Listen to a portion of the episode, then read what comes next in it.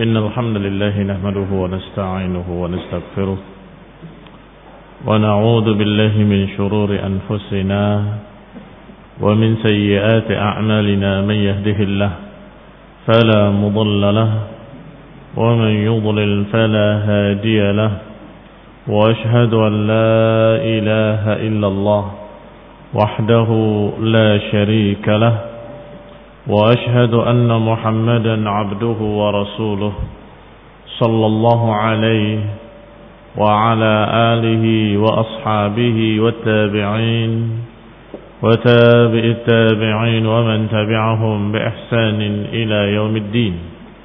يا أيها الذين آمنوا اتقوا الله حق تقاته ولا تموتن إلا وأنتم مسلمون. يا أيها الناس اتقوا ربكم الذي خلقكم من نفس واحدة وخلق منها زوجها وبث منهما رجالا كثيرا ونساء. واتقوا الله الذي تساءلون به والأرحام. إن الله كان عليكم رقيبا. يا أيها الذين آمنوا اتقوا الله وقولوا قولا سديدا. يصلح لكم أعمالكم ويغفر لكم ذنوبكم. ومن يطع الله ورسوله فقد فاز فوزا عظيما.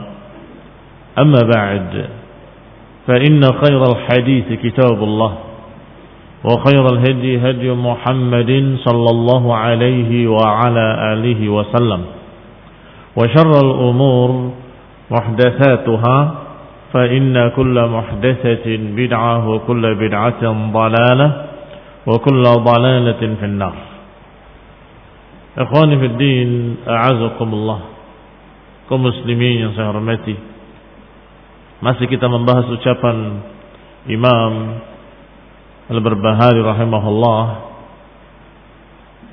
wa'alam rahimakallah anna al-kalama fi ar-rabb ta'ala muhdathun وهو بدعة وضلالة ولا يتكلم في الرب إلا بما وصف به نفسه في القرآن وما بين رسول الله صلى الله عليه وعلى آله وسلم لأصحابه فهو جل ثناؤه ليس كمثله شيء.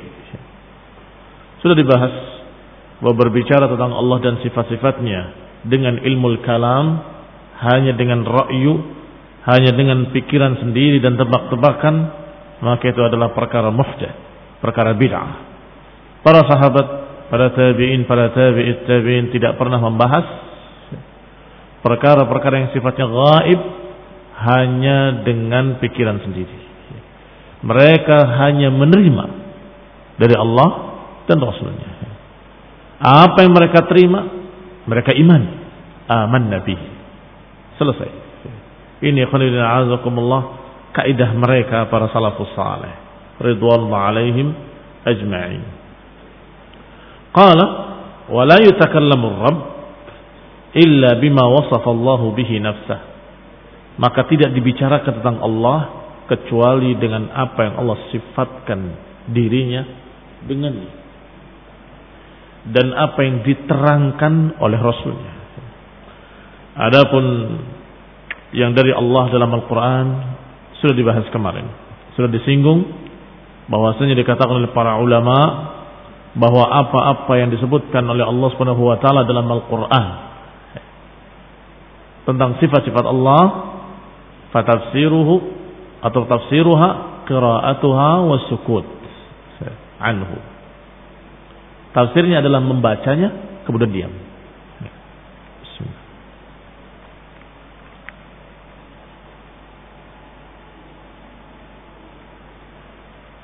Qala Fauzan Salih bin Fauzan hafizahullah wa ma bayyana Rasulullah SAW li ashabih. Dan yang kedua, sumber yang kedua setelah Al-Quran adalah apa yang diterangkan oleh Rasulullah sallallahu alaihi wa ala alihi wasallam. Maka kata Syekh Shalih Fauzan hafizahullah, madarul asma'i was sifati 'ala al-kitab was sunnah. Maka lingkup pembicaraan tentang nama Allah dan sifat Allah hanya dengan kitab was sunnah. Wa tafsiruha aidan fil kitab was sunnah. Dan tafsirnya juga apa yang ada dalam Quran dan sunnah. Selebihnya kita tidak akan bisa tahu karena itu perkara-perkara gaib yang nggak bisa diraba dengan panca indera. Maka dengan kitab wa sunnah wa lughatil arab allati nazala biha syara' dan juga dipahami Quran wa sunnah dengan kaidah-kaidah bahasa Arab yang memang diturunkan Al-Quran dengan bahasa Arab. Wala nadhhabu limantiqi Aristo atau Aflatun atau fulanin atau allan. Maka kata Syekh, hafizahullah, kita tidak pergi ke ucapan Plato tidak pula keucapan Aristo.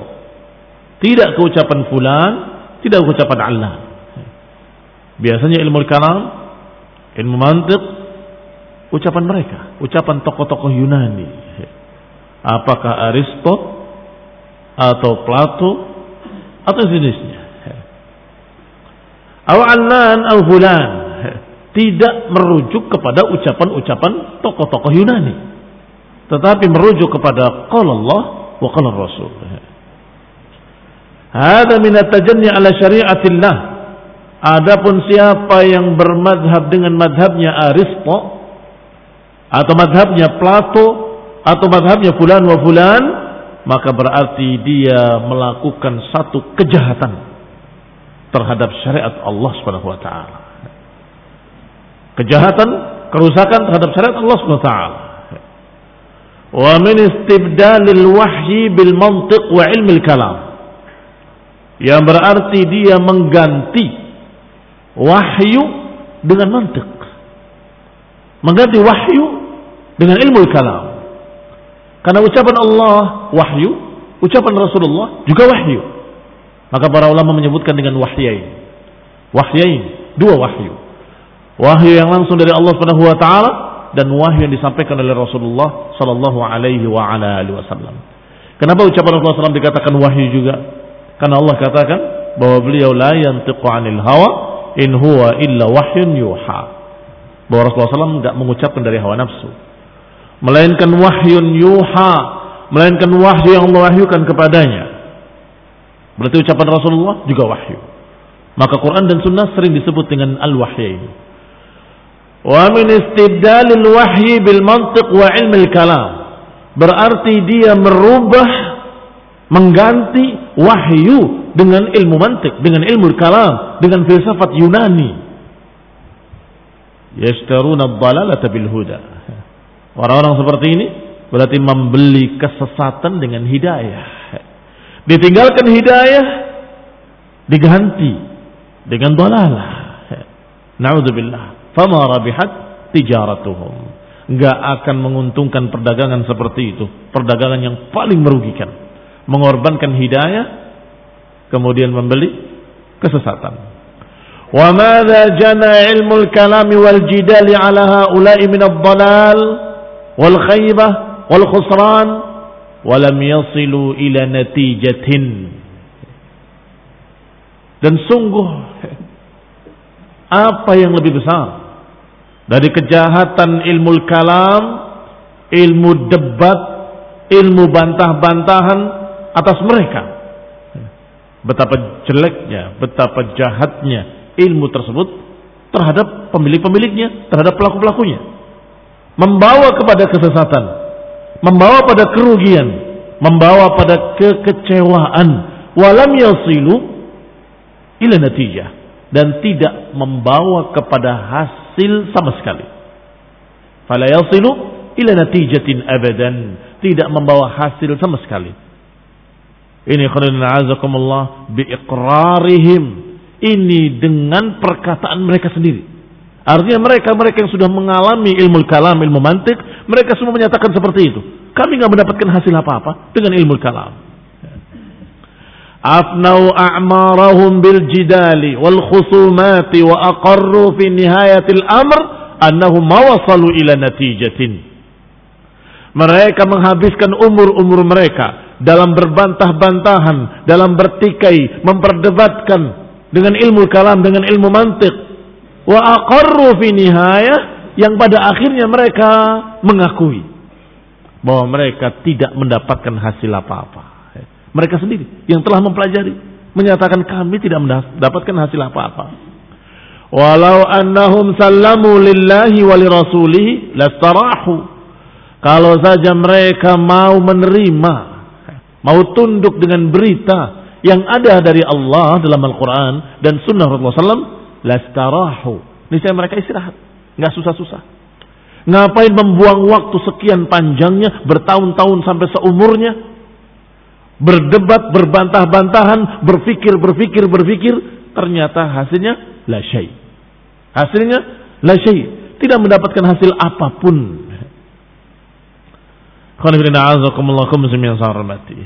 Dicontohkan ucapan-ucapan mereka oleh Syekh Shalal Fauzan. Hafizahullah. Walihada yaqulu qailuhum oleh karena itu berkatalah orang yang berkata dari kalangan mereka yang pernah mengalami ilmu kalam atau pernah mengalami belajar ilmu kalam. Yaitu ucapannya nihayatu iqdamil uquli iqalu وأغلب سعي العالمين ضلال وأرواحنا في وحشة من جسومنا وحاصل دنيانا أذى ووبال ولم نستفد من بحثنا طول عمرنا إلا أن جمعنا فيه قيل وقالوا. كما مريكا نهاية إقدام العقول ujungnya pada akhirnya orang yang iqdamul uqul yang mendahulukan akal adalah iqal. Ujungnya mendahulukan akal adalah iqal. Apa itu iqal? Simpulannya nggak bisa lepas. Ya. Kalau itu ikatan. Ya. Ini buntu. Ujungnya orang yang menggunakan akal untuk berpikir tentang Allah, ujungnya adalah iqal, buntu. Wa aghlabu sa'il dalalu dan kebanyakan usaha seluruh alam adalah kesesatan. Usaha untuk mencari kebenaran tanpa bimbingan Quran was sunnah, tanpa bimbingan seorang rasul, Semuanya balal. Semuanya balal. Kecuali yang mereka mendapatkan bimbingan dari Rasulullah SAW. Mencari, mencari, mencari, ketemu Rasul. Baru mereka terbimbing. Adapun mencari, mencari dengan otaknya, dengan pikirannya, ujungnya balal. Wa aglabu sa'il alamina dalalu. Wa arwahuna fi wahsyatin min jusumina. Padahal ruh-ruh kita sudah gelisah di tubuh-tubuh kita sudah nggak betah. Mananya sebentar lagi akan berpisah, sebentar lagi akan mati. Roh-roh kita sudah gelisah di tubuh kita.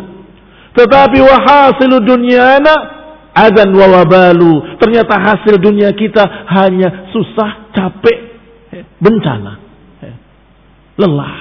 Apalagi? Walam nastafid min bahtina tula umrina Sungguh kami tidak mendapatkan faedah apa pun sepanjang umur kami. Lihat persaksian mereka. Walam nastafid min bahtina tula umrina. Kami nggak mendapatkan faedah apa pun sepanjang umur kami illa an jama'na fihi qila wa qalu kecuali hanya mengumpulkan qila wa qalu. Kecuali hanya mengumpulkan katanya dan katanya. Katanya Plato katanya Aristo katanya fulan katanya fulan. Hanya mengumpulkan ucapan-ucapan manusia yang sama sekali nggak ada nilainya. Karena manusia tadi bukan ulama, bukan rasul, bukan orang-orang yang berilmu, bukan orang yang mendapat wahyu. Ngapain dihafalkan? Oh ini ucapan Aristoteles, ini ucapan Plato, ini ucapan Archimedes, ini ucapan bulan, begini kaidah, kaidah, kaidah, kaidah, kaidah. Kaidah apa? Kaidah ilmu kalam, ilmu ngomong. Mana stafil tula umrina, kami nggak mendapatkan faedah apa pun selama umur kami. Dan ini ucapan ini dinukil dari ucapan Fakhrul Razi. Kunyahnya Abu Abdullah Muhammad ibn Umar At-Tubrustani. Julukannya Fakhrul Razi, kunyahnya Abu Abdullah namanya Muhammad ibn Umar At-Tubrustani dalam kitabnya yang berjudul Aqsamul Laddat faqad saru fi syakkin wa fi raibin. Kata Syekh Salih hafizahullah, maka sungguh mereka sudah mencapai keraguan. Syak. Amal ladina sallamu lillahi wa rasulih. Adapun mereka-mereka yang sudah tunduk, pasrah, menerima apa adanya dalam Quran wa sunnah, faqad istarahu. Mereka istirahat. Mereka roha, mudah, santai, nggak berat, nggak susah. Sedangkan mereka yang mencari dengan akalnya sudah capek, jenuh, lelah dengan perdebat, perdebat, perdebat. Ujung-ujungnya nggak dapat apa-apa. Sebagaimana dikatakan oleh beliau ini, oleh Fakhrul Razi, rahimahullah, wa ghafarallahu lahu. Semoga dimaafkan, semoga diampuni. Mengakui pada akhirnya bahwa aku nggak mendapatkan apa-apa. Buang-buang waktu. Wa yaqulu ahlu balal aydan. Dan berkata pula salah seorang mereka, yang sudah mengalami ilmu kalam dan ujungnya sama. Tidak mendapatkan apa-apa dan kecewa. Yaitu ucapan Abdul Fatah Muhammad Ibni Abil Qasim Ash-Shihristani. Kalau tadi itu Brustani, sekarang Syihristani. Dalam kitabnya Nihayatul Aqdam. Nihayatul Aqdam. Akhir pijakan. Dia menggambarkan akhir perjalanan dia mencari kebenaran dengan ilmu kalam. Apa hasilnya? Had. Qala dia katakan la amri laqad tuftul ma'ahida kullaha. Laqad tuftul ma'ahida kullaha wa sayyartu tarfi baina tilkal ma'alimi falam ara illa wadi'an kaffa ha'irin ala dhaqnin aw qari'an sinna nadimi Ternyata sungguh kata beliau Aku telah keliling ke kampus-kampus filsafat. Ma'had-ma'had yang dimaksud ma'had-ma'had filsafat.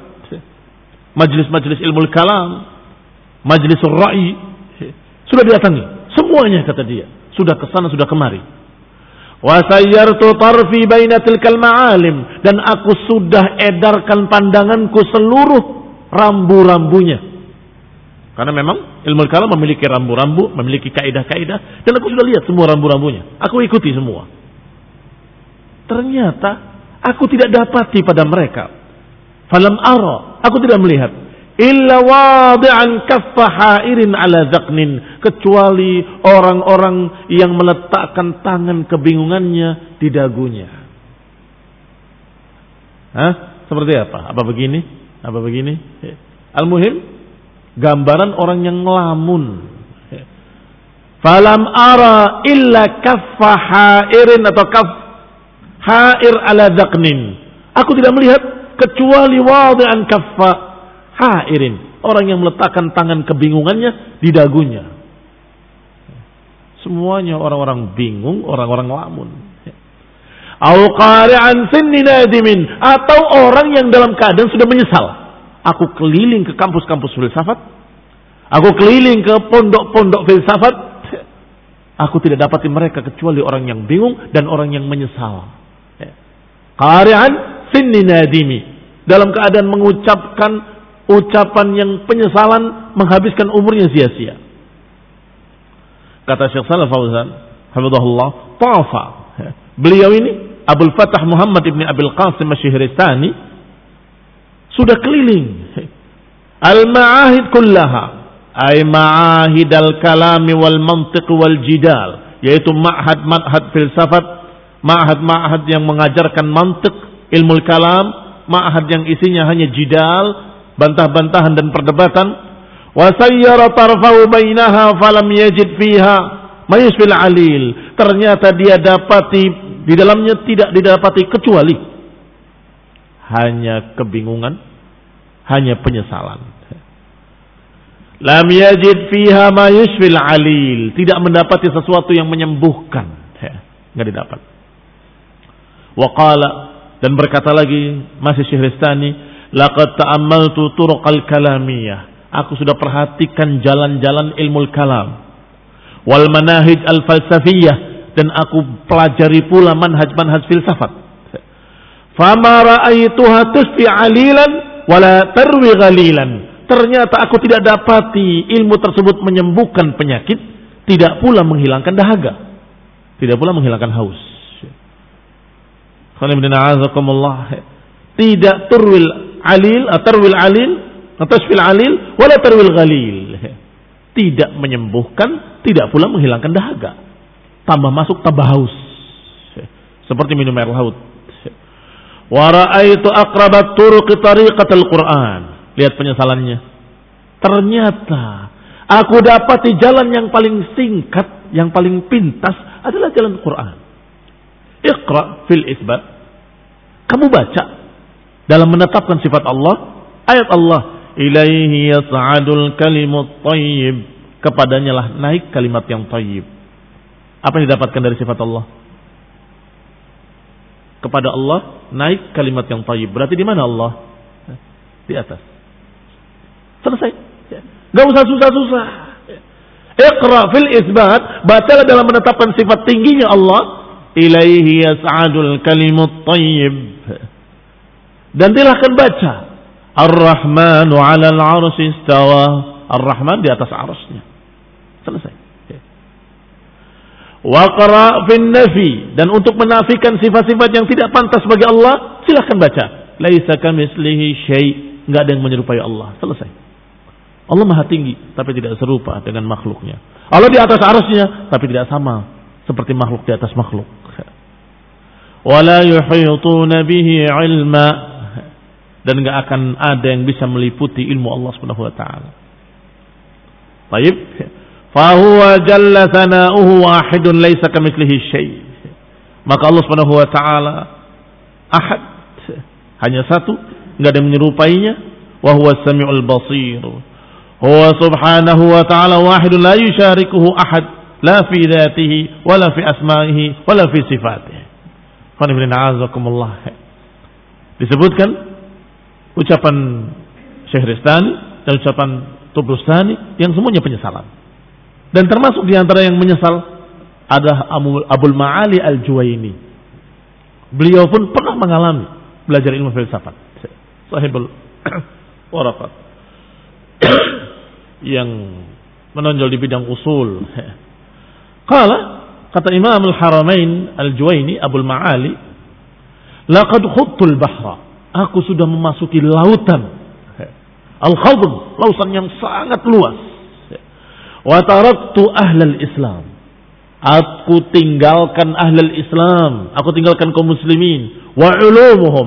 Wa ulumahum. Aku tinggalkan kaum muslimin dan ilmu mereka. Apa ilmunya kaum muslimin? Qala Allah, qala Rasul. Aku tinggalkan mereka dan aku tinggalkan ilmu mereka. Wa fil ladina hauni. Aku masuk ke dalam ilmu yang mereka sudah melarang aku untuk masuk ke dalamnya. Qala in lam yatadarakani rabbi birahmatin. Sungguh kalau Allah enggak menyelamatkan aku. Falwailu li fulan. Sungguh celakalah aku. Kalau tidak Allah tolong dirinya, kata beliau sungguh celaka aku. Aku memasuki ilmu yang luas ilmu itu, tapi tidak ada faedah apa-apa. Kalau saja tidak Allah beri hidayah, kalau saja tidak Allah selamatkan aku, aku akan tenggelam di lautan tersebut dan aku akan binasa. Wah, ana amutu ala aqidati ummi. Tapi lihatlah sekarang. Aku mati di atas akidah ibuku. Ala aqidati ummi. Apa maknanya? Kembali kepada akidah yang dia pelajari sejak kecil. Rukun Islam ada lima. Rukun iman ada enam. Itu semua dengan dalil-dalil, dengan ayat, dengan hadis. Ya. Itu kan diajarkan sejak kecil. Tiba-tiba dia belajar ilmu filsafat, ilmu filsafat sampai sekian waktu habis.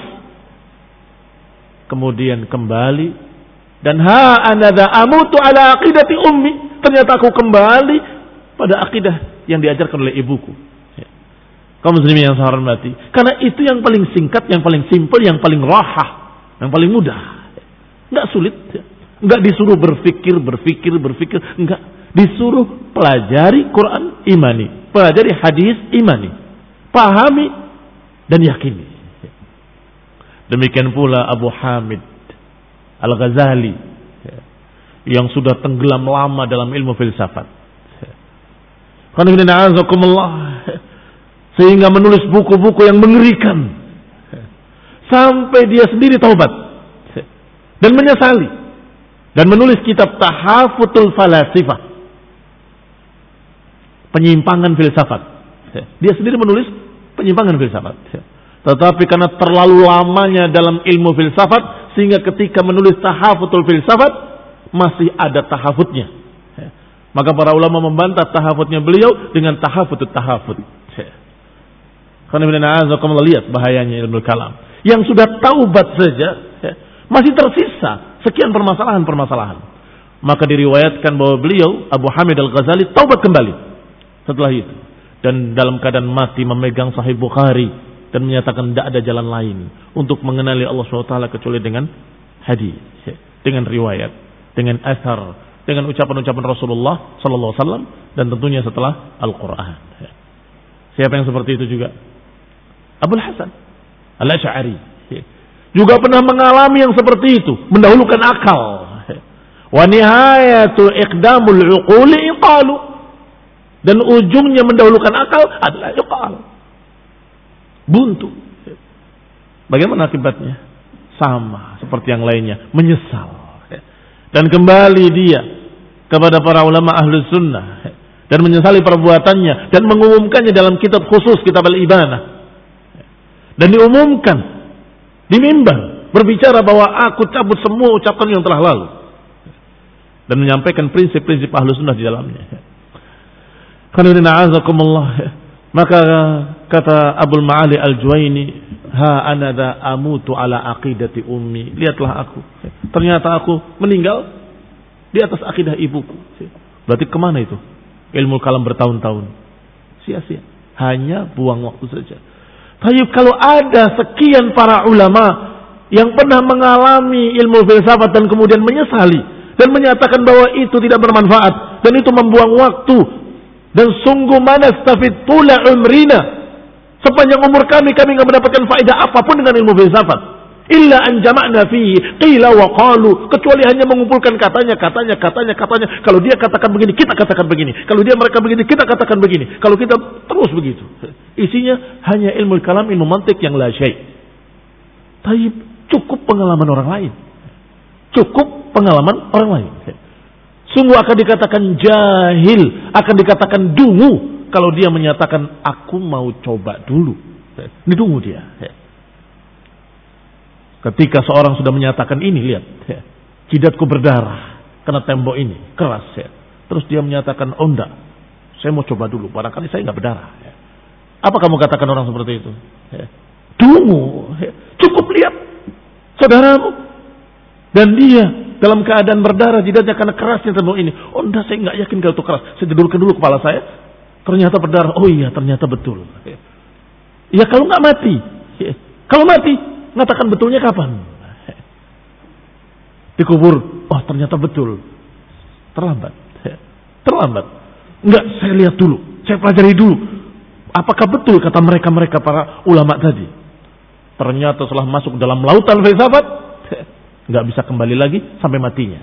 Ketika mati, dia dalam keadaan baal, dia mendapatkan adab dari Allah Taala, kemudian menyesal. Ternyata betul apa yang dikatakan oleh para ulama. Hal yang apakah bermanfaat? Nggak bermanfaat. Maka cukup pengalaman mereka Syehristani, Tubrustani, Abdul Ma'ali Al-Juwaini, uh, Abu Hamid Al-Ghazali, dan kemudian Ash'ari, dan sekian banyak lagi. Para ulama yang menyesali ketika mereka tenggelam dalam filsafat dan membuang waktu sekian lamanya. Allah taufik wal afiyah. Wa nasrul hidayah wa rahmah subhanaka wa bihamdika la ilaha illa wa atubu ilaik. Wassalamualaikum warahmatullahi wabarakatuh.